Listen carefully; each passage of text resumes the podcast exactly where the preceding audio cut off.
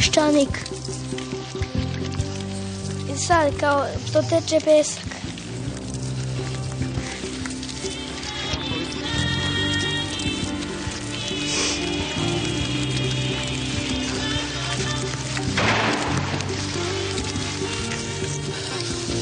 On je čovjek dosadan. I'm so sorry. On je čovjek dosadan čovjek. On je uvijek bio dosadan. Žao. Peščanik.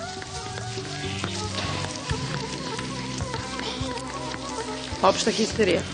Beda, ljudska beda, ne samo ekonomska, nego i neka, ono, intimna, lična. Daj bilo šta. Daj, samo da slušti nešto. Daj da bude moje. Nama je žao. Peščanik. Nije bilo dovoljno snage da kažem I'm so sorry. Meni je žao.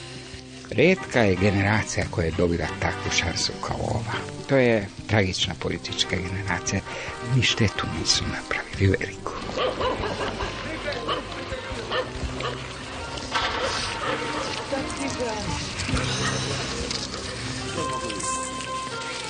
Peščanik.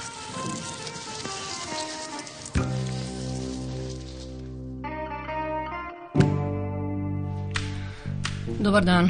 Odmah da vas upozorim da se više ne lažemo ako ne budete pažljivo slušali celu emisiju. Svetlana i ja ćemo odmah stupiti u štrajk glađu dok, koji će trajati sve dok naš zahtev ne bude do kraja ispunjen. I sad, pošto smo to razjasnili, da idemo dalje. Ministar prosvete se već tetura skoro glavinja Gaša Knežević od štrajkača do štrajkača glađu i povremeno bude i uhapšen od budućih pravnika kojima nije mnogo smetalo da im Vojislav Šešelj bude profesor. Gaša Knežević je toliko stvar drži pod kontrolom da mu u glave može doći izvesni Vuk Vučić, student medicine koji pomaže kolegama sa prava. To je valjda onaj Vuk koji je nedavno osnovao još jedno studentsko udruženje koje ima za cilj, tako je rekao, da smeni Srbijanku Turajlić. A Gaša Knežević je samo kolateralna šteta. Šta nam rade ostali lideri? Nenad Čanak ide dalje od teze da Vojvodina više neće da daje džabe svoje vojvođanska žita i da više neće da bude špaj Srbije. Piše Čanak Đinđiću i traži da Srbija vrati Vojvodini svu državnu nepokretnu imovinu, a premijer nam opet poručuje iz Brisela ili gde li je već, da i Evropa kao i on sa nama gube strpljenje. Malo je Đinjić odustao od toga da glumi Aleksandra Makedonskog koji stalno poziva u pohode i veruje u munjevite i blistave poteze svoje, a time naravno i naše. A naš Vojislav de Gaulle se odmara od onog stresa koji mu je priredio ministar spolnih poslova Britanije Jack Straw i jedva čeka da se vrati svom osnovnom pozivu primanju naroda u Palati Federacije. Mnogi nesrećnici e, koji traže utehu dolaze kod njega i žale mu se na međunarodnu zajednicu, na vladu, na ministre, Koštunica glumi maršalat i Batu Živojinovića, koji je opet, da vas podsjetimo, u vreme Miloševića glumio maršalat gde su svi mogli da se žale do mile volje. Politika je u ovoj zemlji, što bi rekao Niče, mesto gde su sve duševne bolesti zakazale sastanak. Kad smo kod bolesnika i Milošević je bolestan, leči se od iscrpljenosti u Hagu, Teško mi je zbog toga, ali me teši vest koju su objavile novine, a koju niko nije demantovao, da će jedna visoka, visoka delegacija Srpske pravoslavne crkve posetiti našu pravoslavnu braću u Hagu. Vest je glasila da je ovaj Bogoljub Bjelica koji zamenjuje privremeno odsutnog šefa partije primjen u gde su crkveni oci običali da će obići Miloševića. Ovih dana i vladika Šabačko-Valjevski Lavrentije tražio je od tribunala da poseti generala Ojdanića i najavio je da će za početak Srpska pravoslavna crkva Srbima u Hagu dostavljati štampu. Glava u Škembetu nije pomenuta, iako se Ojdanić žalio na hranu koja ne odgovara njegovoj kulturi ishrane.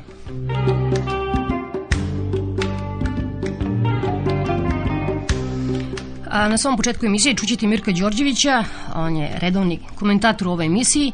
A Mirko Đorđević je jedan od potpisnika onog pisma javnosti kojim se nedavno upozorava a, kompletna javnost u Srbiji da se agresivni nacionalizam na velika vrata i uz zvona vraća u Srbiju. A, ne znam da ste videli, juče je odgovorio Dejan Medaković u ime Srpske akademije nauka da se manu čorava posla i da nisu autoritet za tu temu. i Dejan Medaković je počeo da se mangupira kao Boris Begović, koji svojim protivnicima u polemikama poručuje knjige u šake ili čitaj Znaš li ti bre ko sam ja? Dakle, Mirko Đorđević o posetama crkvenih velikodostojnika haškim optuženicima. To doduše nije prva poseta, već je mitropolit Crnogorski Amfilohije posetio Miloševića u Beogradskom centralnom zatvoru i sprema se jedna visoka delegacija, pominjali čak i patrijarhovo ime, da poseti Miloševića i konačno je prosvećeni Šabačko-Valjevski kod Miloševića u Hagu. Dve stvari su tu bitne. Crkva se svakodnevno moli za one postradale, za nevolje i za one koji su u tamnici. To ne bi trebalo mnogo da čudi. Crkva se moli i ne odbacuje ni zločinca, ali mora da osudi zločin. Onda gde počinje problem. I u prvom i u drugom i trećem slučaju zapinje oko toga što je rečeno da posetimo Miloševića koji je tamo predstavnik srpskog naroda koji strada. Dakle, crkva se sada poistavećuje, povlače jedan politički potez koji je neprihvatljiv. Isto se događa kod pomena Nediću ili bilo kom drugom, kada bi pomen bio na zahte porodice, sve bi bilo u normalnom hrišćanskom redu. Ali kada se pomen izvodi javno, Nediću kao predsjedniku kvislinške vlade, koji se na tom pomenu veliča kao svetla figura, bio je bukvalno kvislin, to je dokazano, onda je to crkveni čin u politici koji se nikako ne može prihvatiti, mora se osuditi. Dozvolite.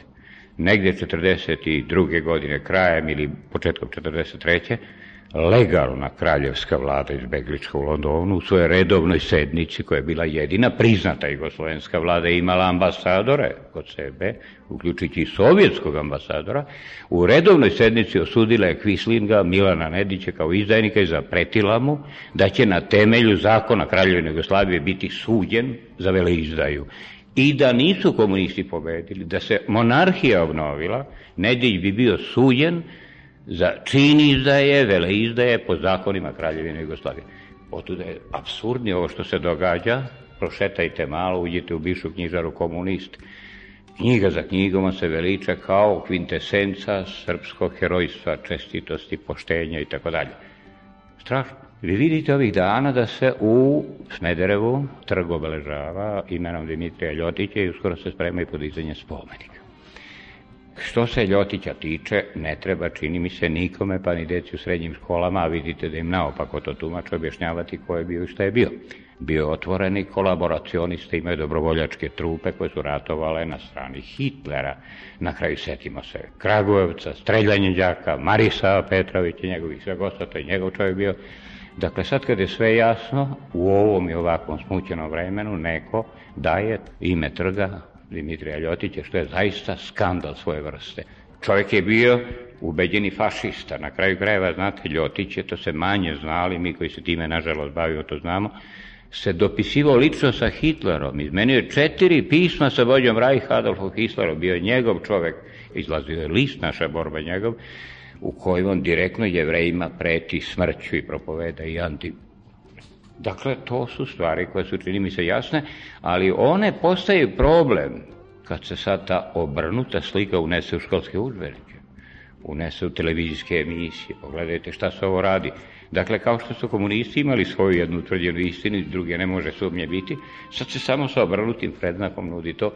Još uvek historiografija nema hrabrosti da uđe u činjenici da se pokaže da je Dimitrije Ljotić bio fašist u ubeđenju i da je tako i završio, odnosno ne stradao u saobraćajnoj nesreći, bežeći od Engleze 45. u Gorici Tukotrsa i tu i sahranjen, na sahranjima je govorio Nikolaj Velimirović, koji je spevao jednu himnu Ljotiću tada, koja je objavljena i za vešto se Nikolaj Velimirović obećao je tada da će mu kata podići spomenik.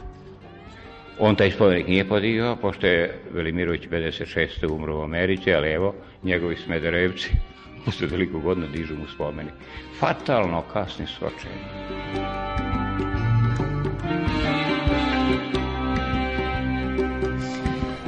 Danas je 9. novembar, inače dan akcije protiv međunarodni dakle, dan akcija protiv fašizma, rasizma i ksenofobije. Evo je naš doprinos tom obeležavanju tog dana. A, vi ste otprilike pre dve nedelje u našoj emisiji Kaži prest mogli da čujete kompletnu priču iz Smedereva a, o toj ideji koju imaju Smederevci, dakle da centralni trg, kako oni kažu venac, dobije ime po Dimitri Ljotiću, njihovom sugrađaninu. Čućete samo jedan a, reprizu a, čoveka koji se zove Slaviša Perić, on je potpredsednik inače Demokratske stranke Srbije, predsednik Komisije za imenovanje ulica i trgova i čovek koji je diplomirao na istoriji sa Dimitrijom Čikamitom Ljotićem, diplomirao je sa desetkom. Dakle, Slaviša Perić. Ono što bih morao da kažem je da je Dimitrij Ljotić bio izvanredni komesar za obnovu Smedereva. Ne samo u, u smislu obnove, već se možemo diviti nekim arhitektonskim rešenjima koje Smederevo od tog trenutka, jako u ratnom periodu, počinju da odvajaju od neke turske kasabe, okreću ga prema Dunavu. Znači, čak i u tom trenutku se razmišlja o nekoj evropeizaciji Smedereva. Ono što je danas Veljilić za Čačak, voleo ga neko ili ne, to je sto puta više Dimitrij Ljotić za Smederevo. A saradnja sa okupatorima? Ako mi najiskrenije pitate da sam ja na njegovom mestu isto postupio. Dimitrije Ljotić 1940. godine, tražeći reditelja drame čovečanstva u vreme drugog svetskog rata, navodi da to nije jedan čovek, to je jedna kolektivna ličnost, to je jedan narod, jevrej. I to nije običan narod, jer se duša tog naroda nakupila zlobe i pakosti. Radi se o narodu koga je opasno pustiti da se potpuno izmeša sa sredinom, jer ga sredina nikada neće asimilirati, a on će u njoj delovati kao opasna razarajuća kiselina. Protokoli sionskih mudraca Ljotić je smatrao knjigom koja je upravo otkrila njihove planove. I sovjetska revolucija bila je porobljavanje ruskog naroda od strane jedne misli strane ruskom narodnom duhu. Misli ponikle iz jevrejskog semena odrasle na đubrištu zapada. Izgleda da je Slaviša Perić propustio tu lekciju i nezasluženo dobio desetku. Evo profesora, profesora Todora Kuljića, koga smo pitali da li je u Srbiji na delu relativizacija fašizma. Ja to ne bih nazvao relativizacijom, već bi nazvao jednom pojavom koja se može preciznije nazvati anti-antifašizam. Naime, to je nastojanje da se ne, ne samo relativizuje i neutrališe, nego u potpunosti antifašizam svede na jedan uzaludan i na, u nacionalnom pogledu disfunkcionalan napor. U atmosferi normalizovanog nacionalizma antifašizam je nepoželjan, a u takođe kod nas danas rasprostranjenoj klimi antikomunizma fašizam postaje čak salonska stvar. Jer danas pozivati se na fašiste znači pozivati se na najdoslednije antikomuniste. Ove okolnosti bi se možda i mogle ignorisati da je samo reč o provoznoj pomodnosti snobovske inteligencije ili o nekom ekscesu kakav je na primjer taj što se desio ovih dana u Smederevu. Nažalost, stvari su ozbiljnije jer držim da je reč o dubljoj konzervativnoj sklonosti današnjih vladajućih elita i samog državnog vrha i iz intelektualnog vrha da se neutralizuje fašizam i rastereti nacionalna prošlost. Današnji predsjednik Jugoslavije pre nekoliko godina se u jednom internet intervju javno založio za to da se skine fašistička hipoteka sa Ljotićevog imena, jer je on navodno daleko složenija ličnost nego što je kod nas do sada predstavljana. Taj podatak se može naći na internet stranici DSS-a. A Milan Nedić je na predlog današnjeg predsjednika Srpske akademije nauka uvršćen u 100 najznačajnijih Srba ovaj anti-antifašizam čelnika države i Akademije nauka je samo vrh masivnije gledanog brega čiju osnovu predstavlja daleko šira struktura desničarske srpske savremene inteligencije. Ne bi bilo dobro, bilo bi površno anti-antifašizam svoditi samo na relativizaciju fašizma ili na neke ekscese to je znatno dublja struktura koja s jedne strane ima našu domaću nacionalnu notu, ali je s druge strane i prisutna širom Evrope nakon ukidanja hladnog rata i slabljenja levičarskih ideologija. U klimi svakog normalizovanog nacionalizma fašisti se proglašavaju najznačajnijim patriotama. U, u Rumuniji je bila dosta dugo debata oko Antoaneskova, Hitlerovog saveznika, čak i je u zvanično, ja mislim, on rehabilitovan.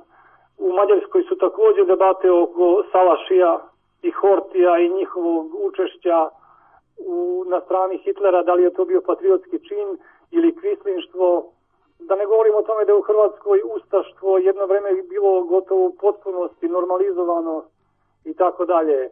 Dakle, tu treba uočavati s jedne strane globalne evropske tokove, a s druge strane jednu sasvim osobenu našu domaću srpsku situaciju u kojoj takođe anti-antifašizam trenutno je vrlo raširen, ponavljam, kod stvaralačke humanističke inteligencije i kod čelnika domaćih elita, a ne samo kod nekih manje efemernih intelektualnih struja ili političkih pokreta.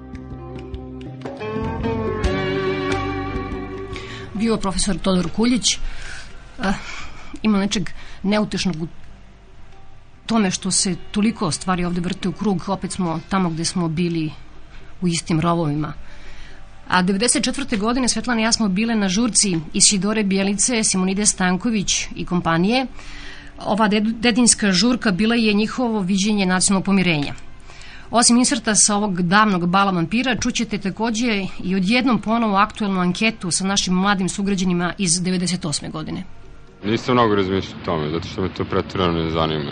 Fašizam kao fašizam, mislim. Deda je bio u četnicima, gledaš samo svoj interes, postojiš u partizane, znači nije mu to bilo važno. Ja mislim da su partizani bili fašisti. Hitler uopšte nije bitan kao Hitler. Hitler je nešto prirodno što je izniklo.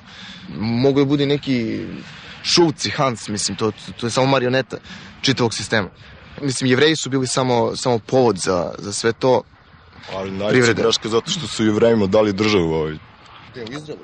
Pa da, zato što su dobili Izrael posle drugog svetskog rata i zato što su počeli da lobiraju u velikom smislu u celom svetu, a imaju uticaj, moćni su, puni kapitala. Što se tiče jevreja, niko bolje nije, a, niko nikad bolje nije prodao bol nego što su prodali jevreji.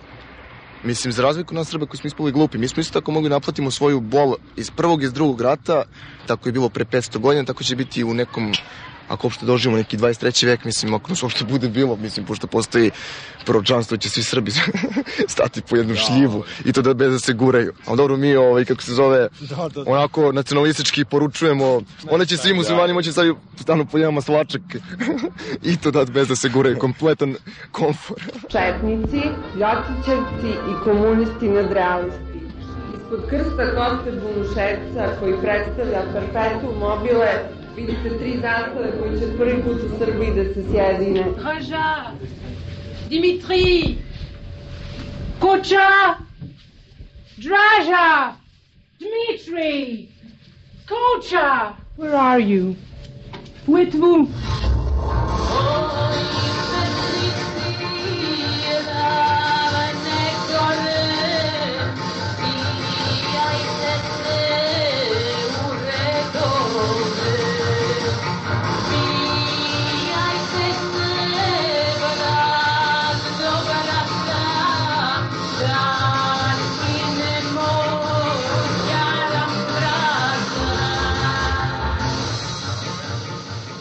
Nismo ovde da se pravdamo, istini za volju izabrali smo pogrešne saveznike i Ljotićevcima to priznajem, bili su na pravoj strani. Međutim, postoje ljudi koji su hrabri i ljudi koji su mudri. Mi smo možda bili manje mudri, ali smo bili hrabri. Budućnost leži u šumi, prema tome ako gospodin Abramčik govori o future, future is in forest, svi u šumu, Živela ekologija. Ravna gora, braće ratnici, došao je čas da ih gubimo. It's Chetna time.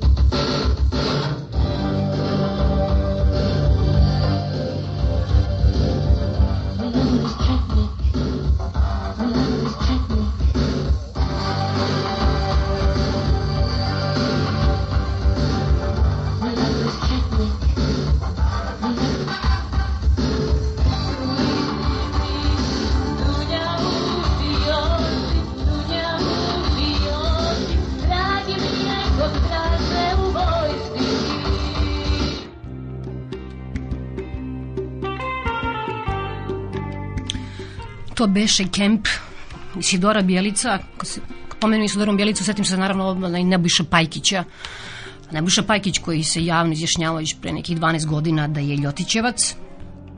Eto, to je bilo vreme kad nas je Sidora Bjelica uh, učila šta to znači postmoderna u Srbiji. Čućete još jednu reprizu, zaista se mnogo ljudi javilo prošle nedelje, hteli su da ponovo repriziramo deo razgovora sa našim kolegom Dragom Pilselom, on je kolumnista Riječkog novog lista iz Hrvatske. Dakle, slušate Drago Pilsela i razgovor sa Jelenom Čelebonović. Jelena je naša slušateljka, ona je bila najupornija, došla je po original snimka, htela da čuje od reči do reči šta rekao Drago Pilsel i počela je sa njim da se dopisuje. Ja sam do svoje 16. godine iznad svog kreveta imao Pavelićevu sliku i raspeno. Doduše Pavelić je bio u civilu, kao znake nekakvog građanskog štiha, jel da nije imao uniformu. Moj tata je bio tjelohranitelj Pavelića, kao mladinac u Argentini. Djeda je igrao šah sa Pavelićem. Imali smo papigu jednu koja kad je Pavelić dolazio u kuću, odvezivala mu špigete na cipilama. I ta me papiga dočekala kad sam ja bio dijete i ona je znala reći živio Ante Pavelić. Tako da sam ja svoju ustašku inicijaciju, to jako malo u šali, sarkastično kažem, doživio od, od svoje papige od moje bake. Dakle, ja sam do svoje 16. godine imao tu Pavelićevu sliku i naravno, kad sam imao pet godina, imao sam dobar glas, tata je razvlačio harmoniku, bio aktivan u hrvatskoj zajednici i ja sam morao sve te ustaške pjesme i pjesmice recitirati, pjevati i tako. Da bi 86. godine stigla nepotpuno neočekivana ponuda da dođem studirati teologiju u Jugoslaviju. 90. godine počinjem čitati i upoznajem svoju sadašnju suprugu koja dolazi iz partizanske obitelji. U šali uvijek govorim da smo supruga ja u braku ostvarili projekt pomirenja Franje Tužmana, dakle partizana i ustaša. Ja sam čitao malo tu partizansku literaturu i onda se dogodio rat. U ratu nisam imao puno vremena razmišljanja, ali sam 92. godine shvatio narav rata u Bosni i Hercegovini. I tada sam postao Tužmanov teški neprijatelj, ideološki neprijatelj. Recimo kad se dogodila oluja, da tako kažem, a kao trenutak katarze, kad ja viđam i svojim rukama skupljam leševe Srba, kad ih sahranjujem, ja sam pratio pokojnog sada već zlatnog, sjajnog čovjeka, bio je protojerej Srpske pravoslavne crkve u Zagrebu Jovica Nikolić. I stojimo on i ja, ja bivši Ustaša, on bivši partizan, nad tim leševima. I govorimo o Bogu i govorimo o vjeri, govorimo o praštanju prije nego što ih sahranimo. Naprosto, kad se takve stvari događaju, sve ono prije postane toliko nebitno šta sam ja bio. Toliko smiješno, toliko irelevantno. Ja sam naprosto druga osoba. Mislim da ljudi kao Drago mogu puno da urade. To su usamljeni jehači. I ovde i tamo. Ja recimo slušam ovde ljude koji su godinama kao patili, ne znam šta se sve emitovalo na televiziji. Pošto ste ljudi gledali? Što ste dopustili da vas je bilo ko truje? Meni je tu Drago takođe značajan. Na našo je snage. To je njegova, ali potpuno lična pobeda. Potpuno on sam u okolnostima kad gubi brata. I sad tu padaju oni argumenti koji imaju sve strane, to je moje su izginuli, moje su isterali, moje su izbjegli, ne znam, ovo ili ono. Pa to sve nema veze. Kad imaš čoveka kao što se zove Drago Pilsa ono što je još dobro, on ima snage da to tera dalje. I da taj način stavi na neki način u javnu upotrebu sebe i svoju situaciju. To je inače moje prvo, ovaj, moje prvo zvanje radija u životu. Mi prvo obraćanje nekom takom. Ja sam mu napisala par rečenica, sam rekla, ja, hvala ti što postojiš, lakše mi je. I on mi u roku od sati i podgovorio. Mo, moj krug prijatelja. Kažu mi, a, evo je naša Nataša Kandić. Ljudima je dosadno ovde da slušaju to. Ne mogu sad tačno da citiram ko je to prvi izgovorio, da je Srbiju potrebno denacifikovati. Meni je to bilo, u tom momentu mi se učinilo koja jedna onako teška reč. Međutim, događaj, mislim, i što je celokupno ponašanje. Ne može se saznati gde je Ratko Mladić. Svi se prave ludi. I to je potpuno strašno. Ga terete za ubistvo civila. To treba da bude, mislim, ne spot, ali to treba stalno ponavljati da ljudi shvate. Zašto njega terete? Naser Orlić je pre Ratka Mladića. Pa dobro. Mislim, to ne umanjuje krivicu i odgovornost jednog generala. Kad je Milošević isporučen Hagu, odmah se pojavila, znaš, jeste on bio strašan, ali mi smo trebali da mu sudimo. Kako da mu sudimo? Ko, kome se ovde sudi? Hag mora da postoji. Za ovakav politički diletantizam. Ne možemo da, ne, ne možemo, nismo u stanju da uradimo ništa sami. Jutro sam čula nešto Đelića koji kaže, mi smo jedna mala i siromašna zemlja. Rekao, dobro ovo je shvatio čovjek, mislim, kako treba govoriti. Mi smo jedna mala siromašna zemlja. U svakom pogledu siromašna. Mi imamo dvojicu političara koji sasvim vodećih, znači Đinđić i Koštunica, koji sasvim javno, bez pardona, priznaju da oni imaju lične animozitete. Kako da vas nije sramota jednog i drugog? Kakvi lični animoziteti? Što se to mene tiče? Imamo potpuno upropašćen narod. Mlade ljude koji, mislim, studente prava koji zatvaraju svoje profesore na fakultetu. Stvari, mislim, u poslednjih nedelju dana ja sam imala samo tu jednu fascinaciju Dragan Pirselom i sve ostalo je onako, mislim, potpuno, potpuno ravno. Siva jesen, mislim, ništa. Ništa se ne dešava. Ja nisam slučajno danas ovdje. Ja sam danas ovdje zbog toga što sam 91. godine, nakon što su mi ubili brata, on je bio hrvatski vojnik i brat je poginuo 23. oktobra 1991. godine. Toga dana sam ja shvatio dilemu. Ja sam tada još uvijek bio Franjevac, redovnik, monah, kako god hoćete. Toga dana sam ja shvatio dilemu za ostatak mog života. Hoću li dopustiti da me pobjedi mržnja, želja za osvetom, koja mi neće vratiti brata, koga sam jako volio, imao 23 godine, dakle bio 6 godina tada mlađi od mene. Ta me mržnja, ta me osveta neće uspokojiti. Ili ću se okrenuti onim istinskim vrijednostima zbog kojih ja želim slijediti Svetoga Franje. Dakle, ja sam danas ovdje zbog toga što sam donio odluku da ću biti etičan. Ja prepoznajem u ponašanje mojih biskupa strašnu želju za moć i za novce. A to nema veze sa evanđeljem Isusa Krista. Zbog čega, ako su jako bili ponosni sa svjedočanstvom vjere za vrijeme komunističke partije, kad je preko 600 svećenika ubijeno, zbog čega potrošiti taj kapital svjedočanstva, taj kapital ljubavi i uložiti ga u privatne interese grupe kriminalaca, jer ti koji, s kojima su se oni ideološki sad udružili, to je hrpa bandita, to je hrpa ubojica, silovatelja, kradljivaca, ljudi koji su poginuli, izgubili živote, poput moga brata, ne zaslužuju šutnju katoličkih biskupa. Ja ne tvrdim da su svi oni poginuli iz nekakvih viših ideala. Ja bih volio vjerovati da je moj brat u trenutku umiranja osjetio da, da mu je život dobro uložen. Jer znam da je učinio velike stvari. Nakon napada na Kijevo, uzeo jednu staru srkinju od 80 godina i na leđa je prebacio do Drniša. Spasio život jednoj starici. On je u Vrlici sudjelovao nakon teškog napada u prebacivanju više od 300 teško mentalno retardiranih štićenika zavoda u Vrlici koji su bili napušteni i doveo ih u Split. On je spasio puno života. Ali volio bih vjerovati da, da, da te žrtve nisu bile uzaludne. I ne mogu se pomiriti činjenicom da mi taj kapital ljubavi, taj kapital se, nesebičnosti, sebedarija, čovjekoljublja ne možemo uložiti u stvaranju jedne moderne Hrvatske. Zašto je to tako teško? Zašto se to ne shvaća kao prioritet? Nego prioritet postoje, postoji a, zadržati uvjerenje a, mase koja kliče Čondiću, koja kliče Thompsonu i njegovih ustaških pjesnica na, stan, na stadionu u Poljudu. Dakle, to je ta publika kojoj se katolička crkva službena dodvorava, a mi koji smo za ljudska prava, mi ne dobivamo njihovu podršku.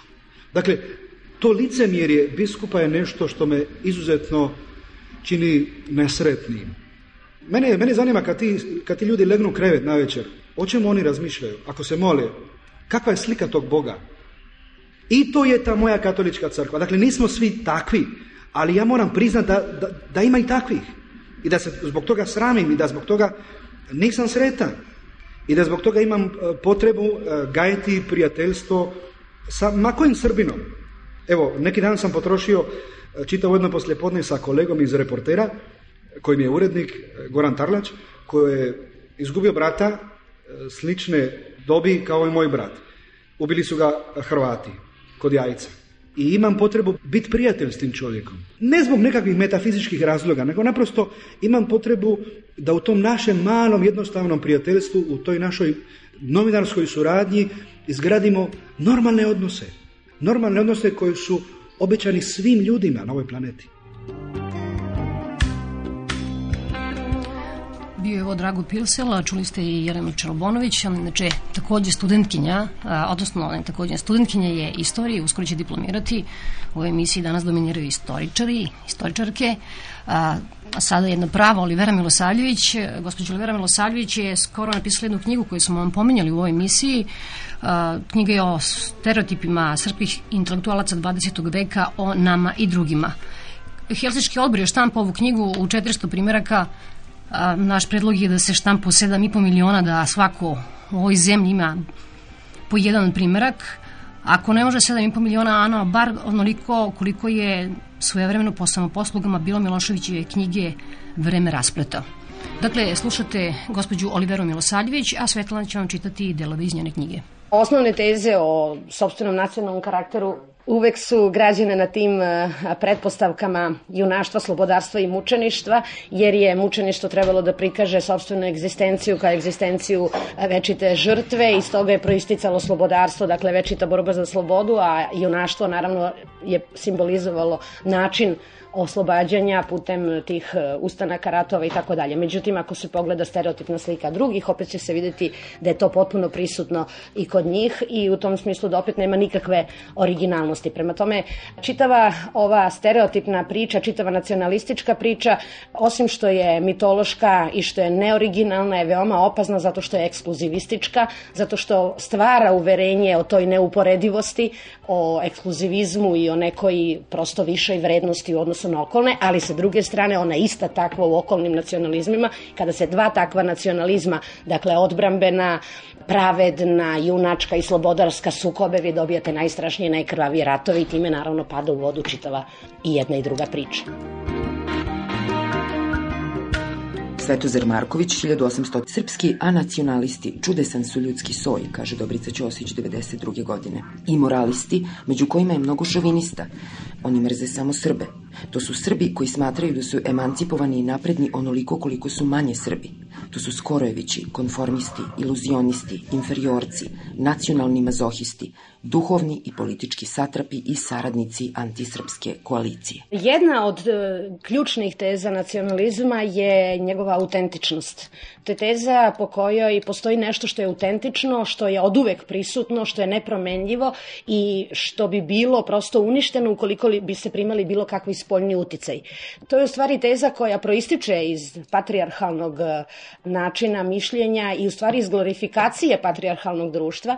Recimo, evo opet, upotreba pojma domaćin koja je danas toliko rasprostranjena govori o tom zaostalom patrijarhalnom načinu mišljenja koji je sve samo ne ideal jednakosti ili slobode pojedinca.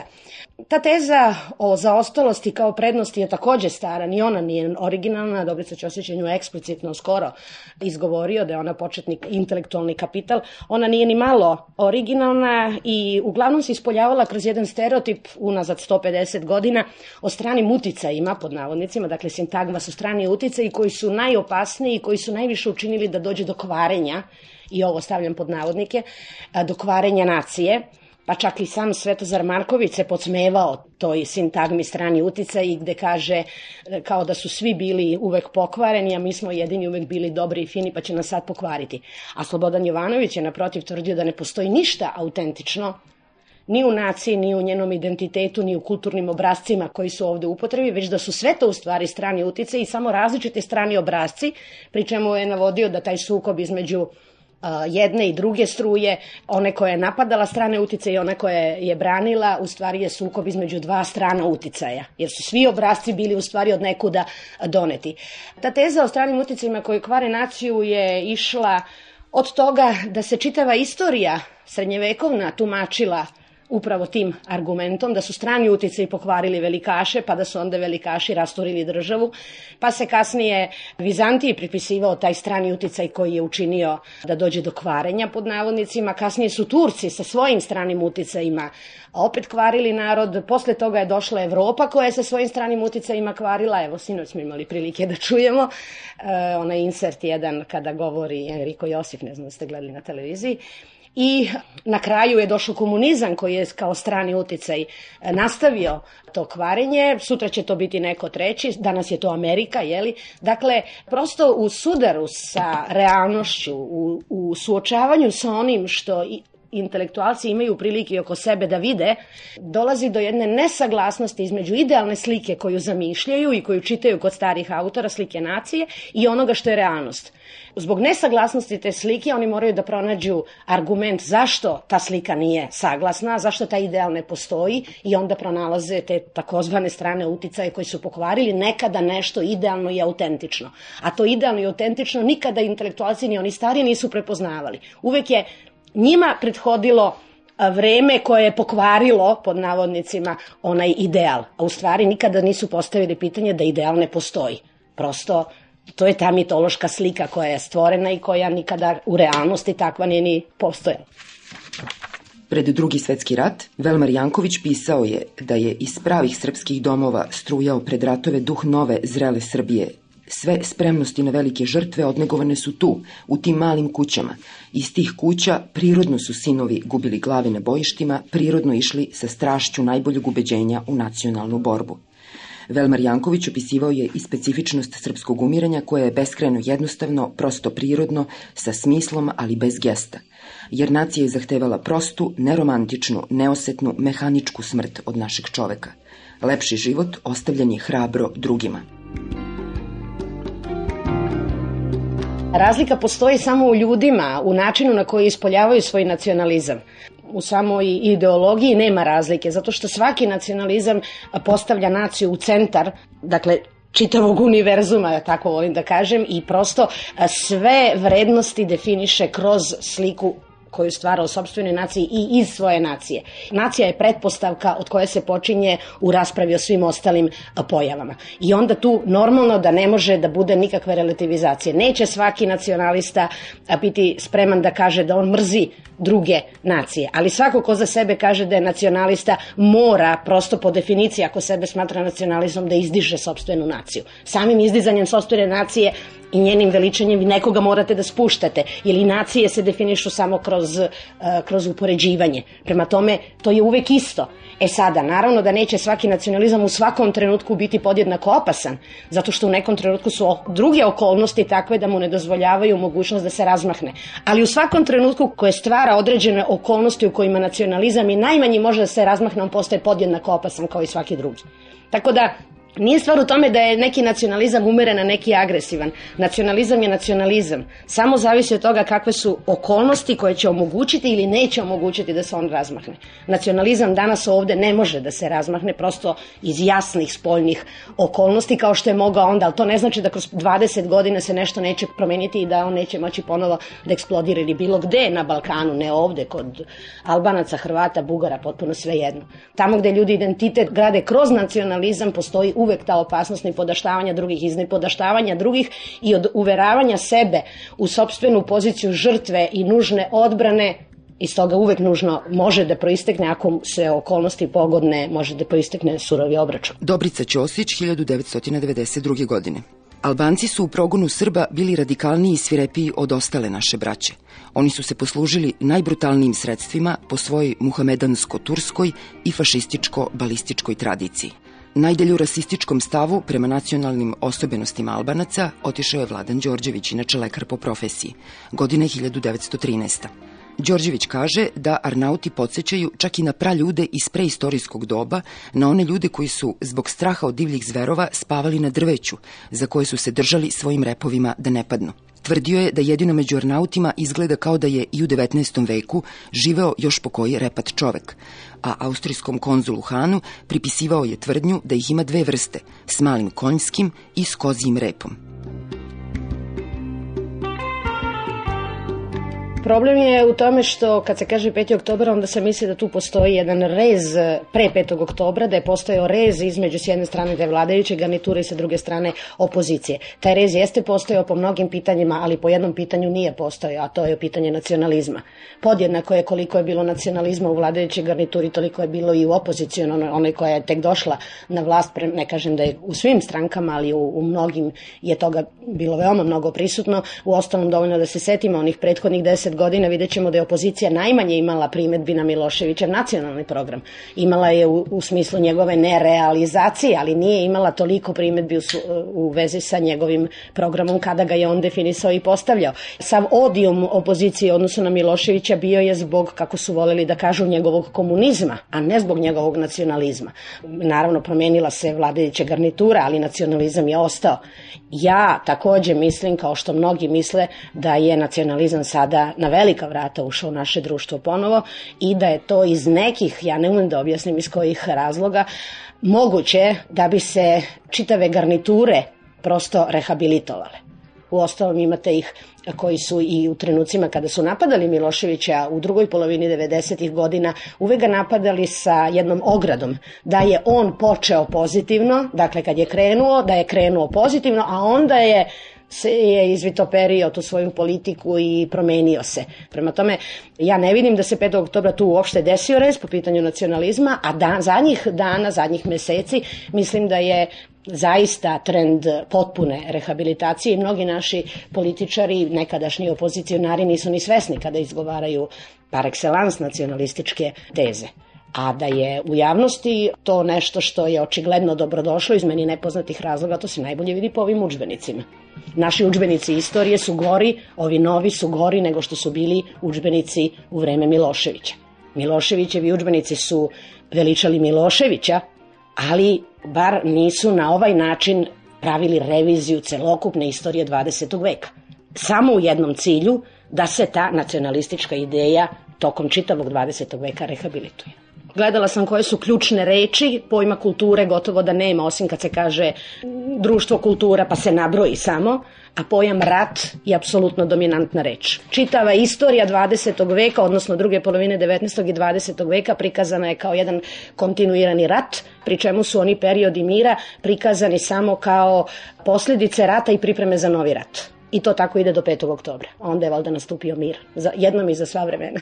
Miloš Vasić u nedeljniku Vreme citira pitanja i ispravne odgovore iz gimnazijskog učbenika istorije.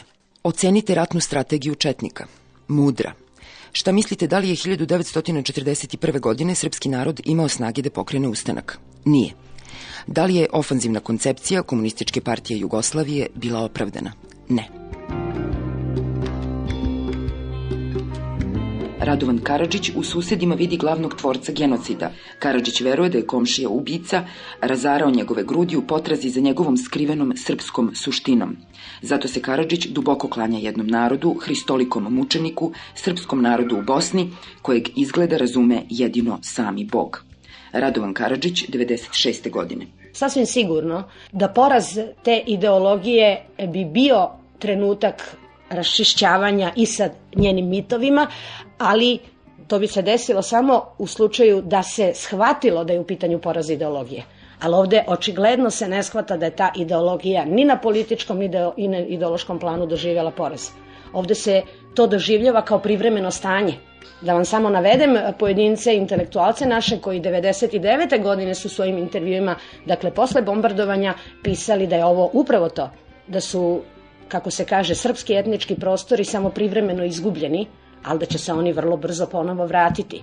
Šta to znači? To znači vrlo brzo neki novi rat. Prema tome, oni koji zagovaraju nacionalizam ne, ne prihvataju da je ta ideologija poražena i utoliko je oni stalno reprodukuju. Izgledalo je nekada da sa ekonomskim prosperitetom jednog društva slabe te mitološke slike, jer onda ljudi imaju prosto drugih interesovanja, to ih manje zanima i tako dalje, ali neki primjeri iz istorije pokazuju da čak ni to nije pravilo. Ne bih ja to nikad nazvala zrelošću ili nezrelošću naroda, zato što nije narod nosilac toga. Vi ćete kod istih ljudi, ako biste ih pitali 70. E, godina šta misle o nekim takvim pojavama, odnosima s drugim narodima i tako dalje, reći će vam jedno, 90. će vam reći nešto drugo, danas će vam posle ovih novih iskustava reći nešto treće. Prema tome to nisu nepromenljive stvari, to je nešto što se prosto menja i ono što je bitno, što mi se čini u vezi sa stereotipima, to je da su uvek i u vezi sa nacionalizmom, da uvek je u najdirektnijoj zavisnosti sa trenutnim političkim okolnostima. Tako da nacionalizam bi mogao da slabi u promenjenim političkim okolnostima i sa elitom koja bi želela da to slabi. Ali tamo gde vi štampate nacionalističke učbenike za decu, gde znači svesno vaspitavate omladinu u nacionalističkom duhu, gde Sinoć ste imali na televiziji dve trećine gledalaca glasa za to da Srbija, da se u Srbiji očuva radikalni oblik nacionalizma, vi to ne možete prosto očekivati neku promenu.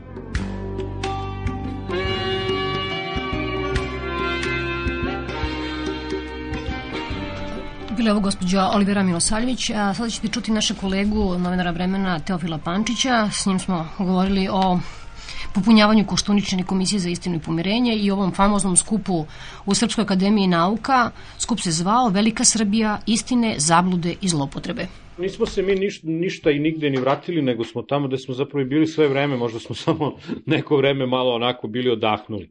Vidiš ovaj bal drtina u Srpskoj akademiji nauka, izvinjam se na izrazu drtina, on nije generacijski, on nije dobni, nije biološki, on je mentalni. Pre svega, pazi, oni ne mogu da pričaju ništa drugo, oni, to je jedina priča koju oni imaju. Dakle, ne možete očekivati, znači oni mogu ili da čute ili da pričaju to što pričaju. Znači, treba retroaktivno ispričati tu priču po stoti puta, ali ispričati je tako da se dokaže da ono što smo mi pričali ranije, da je to sve bilo istina, a sve što se loše desilo, prvo nije se desilo. Drugo, ako se desilo, to nema ništa sa nama, mi smo hteli najbolje i činili najbolje, a ako je nečega i bilo, krivi su Hrvati, krivi su muslimani, a možda je mrvicu kriv i neki oficir JNA, ali čisto sumnjamo, ako ima neke krivice, ona je to zbog njegovog komunističkog porekla vidio proširenje komisije. ono je impresivno. da, ceo urednički kolegijum Nina i tako još po nešto, nešto malo dobitnika Zlatne palme i tako. A ne, mislim, verovatno da, da sam ja Vojislav Košturica, ni ja ne bih bolje izabrao. Zaista čovek je izabrao sve što je mogao da probere od svojih ljudi u tom nekom... E, intelektualno-političkom medijskom establishmentu, jedva da je neko i preostao izvan. ja ne znam da li ima još neko da nije u komisiji. Svako ko je e, predložen da uđe u to komisiju mora da je za nešto kriv. ne bi ga inače predložili. Ne, mislim, ta komisija je, bojim se, onako od samog početka bila zamišljena, a čak i ako i nije bila zamišljena, ispalo je po njenom delovanju da je ona pre svega komisija znači za pranje istorije. Kao što na individualnom nivou imaš to pranje biografija, tako na tom nekom kolektivnijem i opštijem nivou imaš jednu vrstu pokušaja onako ispiranja i propiranja istorije a la carte i mislim da je to ono što, što mi zapravo možemo očekivati još više u budućnosti od te komisije ako ona u ovom svom sadašnjem glomaznom sastavu uopšte uspe da se okupi, verovatno jedino na Koštuničinom rođendanu, možda da ih pozove na žurku pa da se svi... Pa, I slava, da, kakav rođendan, to je previše sekularno. Slava, brate, jest. Slava im. Sino smo nešto pričali uh, o toj famoznoj buni studenta, o štrajku glađu, o ne znam sve čemu, o protivpravnom lišavanju slobode Gaše Kneževića na pravnom fakultetu i, i Modeka je rekla jednu stvar koja mi se čini dosta ovako zgodnom. Kaže, ja sam bre 92. godine na filološkom fakultetu, kad je bio onaj veliki studentski protest, ja sam krenula taj štrajk spremna na sve moguće konsekvence. Znači, ok, ima nešto što ja sad radim svesno, namerno, dobrovoljno, nikome ne tera, ja verujem u to, krenula sam, ako treba da izgubim rok, izgubim rok, treba da izgubim godinu, izgubim godinu, ako treba da mi izbaci s fakulteta, ima da mi izbaci s fakulteta, aman, mislim, sve ima svoju cenu, ok. Mislim da je to očigledno nešto što je možda svima nama 92. bilo normalno, ali onako kako je vreme odmicalo, izgleda da su ljudi, onako da su neki pojmovi onako potpuno postali dekadentni, pa tako i pojam pobune, pa tako i pojam protesta, pa tako i pojam štrajka, pa tako i razlozi za to su postojali onako totalno dekadentni. Tad si imao razlog e, tome što si tražio ostavku predsednika države, prvog čoveka države iz nekih strašno ozbiljnih razloga koji se zovu rat, koji se zovu ubijanje ljudi koji zovu sankcije, koji zovu ovo ono, da bi onda, mislim, nakon 10 godina došao do toga da, ne znam, ono, organizuješ kobajagi nekakav štrajk glađu zbog e, toga što misliš da imaš previše knjiga da pročitaš za nekakav ispit. Pa čoveče Boži. Koliko ovde sve relativno. Koliko ljudi misle da se o sve može pregovarati. Jer znaš šta, ovde se o svemu pregovara. Ovde se pregovara oko toga koliko ljudi je ubijeno u Srebrenici, pa onda mi idemo na TV panel diskusije, pa ovaj kaže, e, ubijeno je 5000 ljudi, ovaj kaže, ne, kolega, mislim da je više od 2000, nemojte, molim vas, i tako dalje. Pa ćemo mi da pregovaramo, pa ćemo da se nađemo na 3500, valjda ili šta. E, znači, kao što se o tome pregovara. Pa se onda pregovara o tome kako se radi. ko može da kupi ovo, pa da li taj može da otpušta radnike, pa ima li on pravo, pa onda ovaj radnik kaže, jebote, došli ovi imperialisti zli, ovo je strašno, ne smeš da ideš, da izlaziš iz fabrike tokom radnog vremena. Kaže, moram da idem preko ograde. Kaže Baja u Beočinu, mrtav vlada novinara u mikrofon. Kaže, sve ćemo mi to da razjurimo, ko što smo švabe razjurili. Ne može to tako, bre, to je naša fabrika. E to, znači naša fabrika, naš narod koji nikome zla ne može da nanese, samim tim što je naš narod sa dva velika N, znači, e tako, e pa dolazimo naravno do toga naš fakultet. Sve naše. Čoveče, bože, znaš ono, daj mi da budem istoričar umetnosti tako što ću reći da volim slikarstvo. Evo, pike, to je to, mislim, ne moram da dokazujem to. Totalna dekadencija.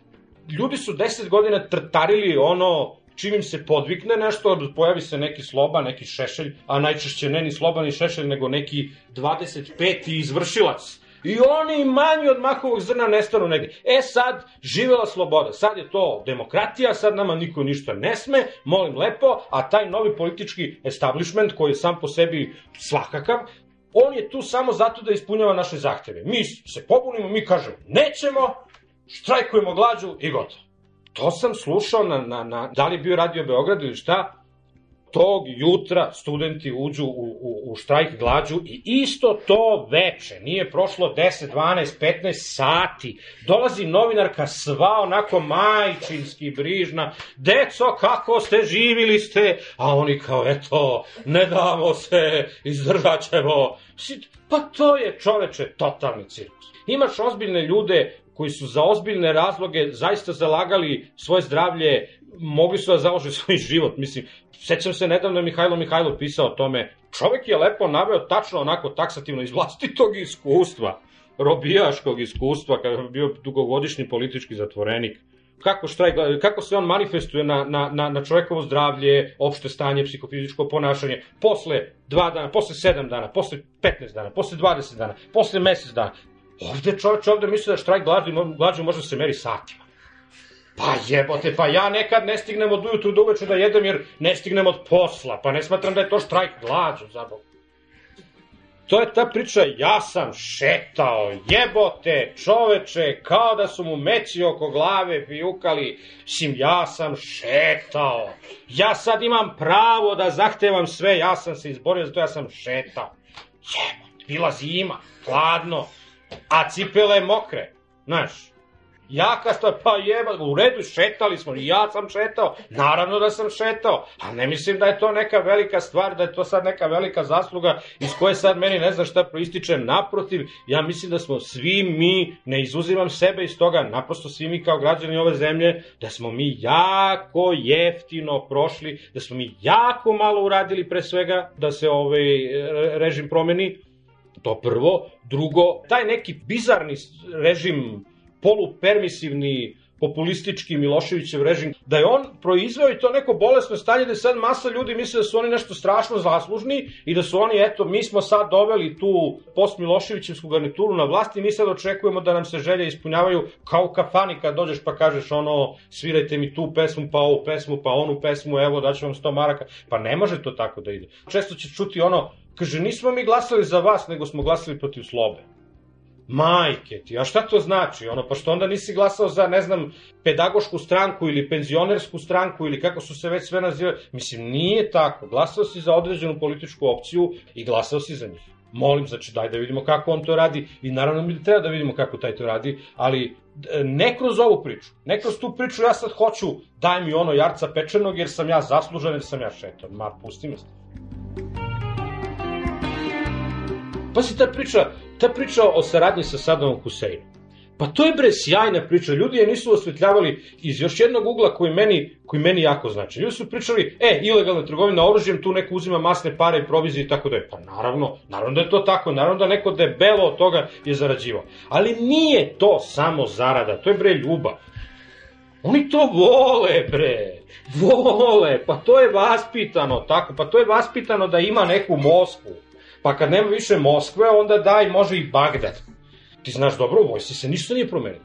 Vojska je najmanje, najmanje dirnut segment ovog društva. Ona i dalje jedna država u državi gde opstaju aveti ne Miloševića, nego Brežnjeva, bre, Brežnjeva. Pa njima je teško da prihvate da je Sovjetski savez, ono, riknuo, bre. Kakav Milošević, oni što su došli do njega. I njima je sve što je protiv tog famoznog zapada, protiv još famoznije Amerike i tako, njima to prija, njima to godi, njima je to zgodno i super. I ako treba da se trguje sa takvima, daj, nema problema za našeg Sadama, za Sakija. Džabe, ako se što kaže Šešelj, poklonio bi da im, e pa to je to. Jeste to džep, ali i srce. Hmm.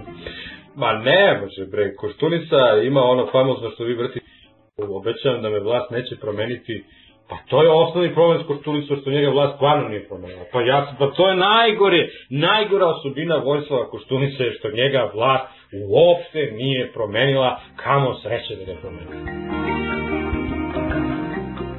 Bio Peščanik, sledi dnevnik Radija B92 prijetno. Peščanik.